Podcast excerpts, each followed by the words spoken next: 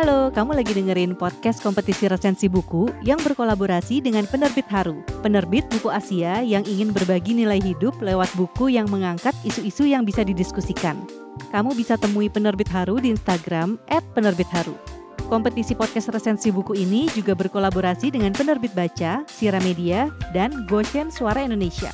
Lalu didukung oleh Podcast Main Mata dan Potluck Podcast Kolektif. Di episode ini, kamu akan dengerin resensi dari teman-teman yang berpartisipasi di kompetisi. Selamat mendengarkan!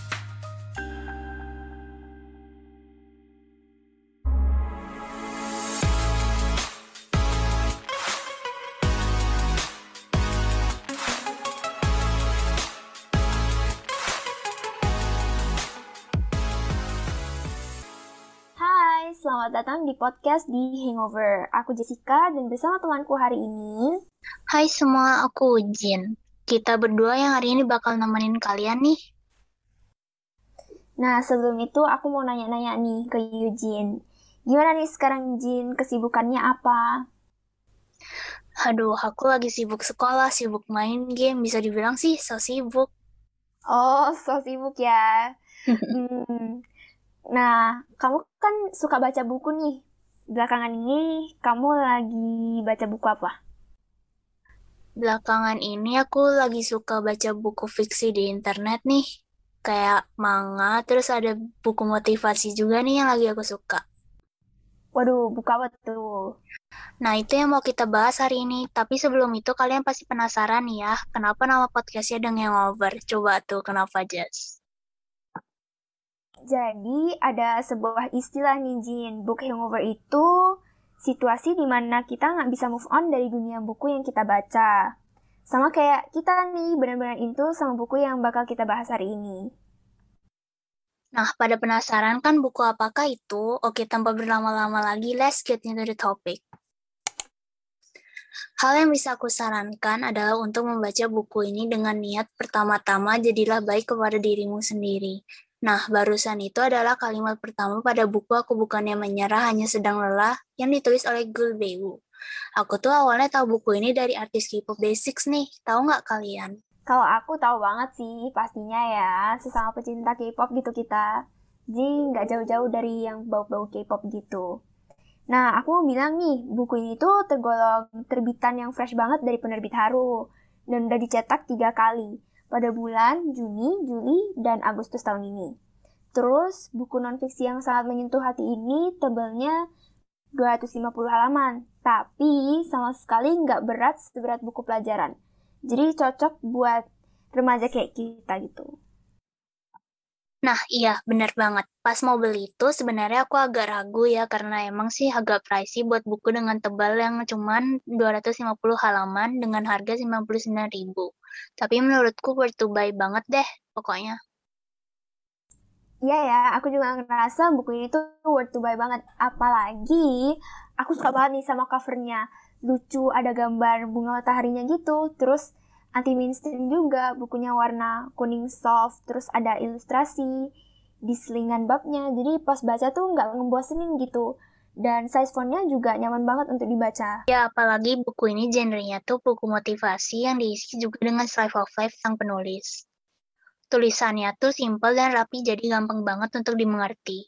Terus pas baca tuh relate banget ya pokoknya bener gak sih Jess? Apalagi dibaca pas masa-masa kita lagi lelah dengan hidup atau burnout. Bener banget ya, dalam hidup kita pasti kadang merasa lelah, gak berdaya, dan bersalah akan kesalahan yang sudah kita lakukan selama ini. Kita juga sering ngerasa belum melakukan yang terbaik padahal udah berusaha sebaik mungkin. Nah, sebenarnya tuh aku bukan tipe orang yang suka ya baca buku kayak gini. Tapi pas aku baca buku ini tuh baru bab satu itu aku udah mulai berair nih mata. Saking relate-nya kali ya. Terus bahasanya tuh loh aku suka banget, indah banget kayak puitis-puitis gitu. Apalagi bagian motivasi-motivasi yang disampaikan sama penulis. Aku ngerasa itu very calming and bikin aku juga jadi self-reflect tentang kehidupanku. Iya, aku juga pas bab satu udah tiri. Tapi favorit partku dari buku ini itu pas penulis menceritakan tentang pengalaman hidupnya yang bisa dibilang sangat seadanya. Jadi dia cerita tuh tentang proses yang harus ia hadapi hingga sampai pada titik ini. Iya, gimana dia dulu belajar jadi reseller makanan yang laris banget. Eh, tapi pas jual, tiap hari sambil nyemangatin orang-orang yang lewat di jalan, dia nggak laku dagangannya. Dan sampai di mana usaha dia tuh dilihat sama satu perusahaan besar gitu. Iya ya, sampai dia mau direkrut loh. Nunjukin banget ya gimana usaha membuahkan hasil yang nggak main-main. Nah, bener banget. Nah, kalau bagian favoritku nih ya, um, bentar deh mikir dulu. Soalnya susah nih milihnya saking suka semuanya. Kayaknya tapi yang paling ngena sih pas bagian bab keinginan melakukan semuanya dengan baik ya. Di situ aku ngerasa kena banget karena aku emang orangnya itu perfeksionis dan tanpa aku sadar itu aku jadi memenuhi apa yang orang harapkan buat aku. Terus aku jadinya itu lonely dan capek dan aku nggak tahu gimana cara ngatasinnya gitu loh. Nah itu, jadi dia tuh tipenya bukan kayak buku mental health yang menggurui gitu, tapi lebih ke esai-esai yang ditulis simpel tapi menyentuh hati dan memotivasi. Kita juga bisa jadi self-reflect kayak kamu tadinya ya, Jess biar ke depannya kita tahu harus ngapain buat hadapin itu. Intinya cocok banget apalagi untuk yang kita kayak masih remaja. Iya, kalau menurutku ya, di sini penulis juga mau nyampein gitu. Ini loh, apa yang bisa aku capai sekarang itu nggak instan.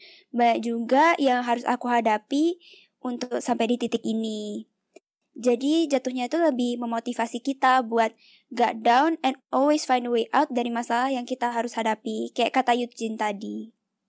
Ya, aku jadi ingat pas penulis cerita kalau dia dulu atlet taekwondo, terus bisnis baju dan semuanya nggak berjalan lancar. Tapi kerennya dia cari terus apa yang dia senang lakuin dan berani ambil resiko untuk tinggalin bisnis sebelumnya yang dia nggak enjoy dan ikut lomba menulis. Iya, aku jadi belajar ya bahwa apa yang kita lakuin sekarang itu belum tentu hal yang kita enjoy, tapi kita paksa untuk lakuin. Selain itu juga, kita nggak ngerti tentang apa kesenangan yang kita miliki supaya bisa mengatasi hal itu. Nah, tapi buku ini tuh unik banget ya. Jadi, dia satu bagian dengan yang lainnya tuh nggak saling berhubungan. Dia nggak yang perbab nyambung kayak buku biasanya. Jadi ada sepatah cerita, terus Berikutnya itu kata-kata motivasi gitu. Mungkin akan ada orang yang enjoy dengan baca yang seperti ini, tapi bisa juga menjadi tantangan bagi beberapa orang. Karena emang agak ngebingungin sih, dan alurnya lebih ke alur campur jatuhnya. Tapi overall aku pribadi sih oke okay banget sama hal itu. Benar nih, and setelah baca aku juga ngerasa bahwa penulis itu menulis buku ini untuk semua kalangan gitu loh. Dia relate-nya nggak cuma ke remaja kayak kita, tapi menurutku sih bisa relate ke semua kalangan ya. Soal masalah mencari jati diri ada, memotivasi dan memaafkan diri ada, dan juga cara menjalin hubungan yang baik dengan orang ada. Pokoknya lengkap deh. Nah, itu dia. Mungkin karena sumbernya terpercaya banget ya. Penulis ini juga buka study room loh, Jin bukan study room yang buat pelajaran sekolah, tapi study room yang dimaksud di sini itu pusat konseling. Hmm. Pantas ya very deep isi bukunya. Iya, yes, bener banget. Jadi buku ini tuh bagus banget ya buat kalian baca. Tapi ingat, sebelum baca tuh jadilah baik kepada dirimu sendiri dulu. And di bagian akhir buku ini, aku ngerasa penulis menceritakan pengalaman hidup dia yang dia rasa juga relate sama kehidupan banyak orang dan bisa membuat kita sadar bahwa akan tetap ada kesulitan yang kita harus hadapi ke depannya.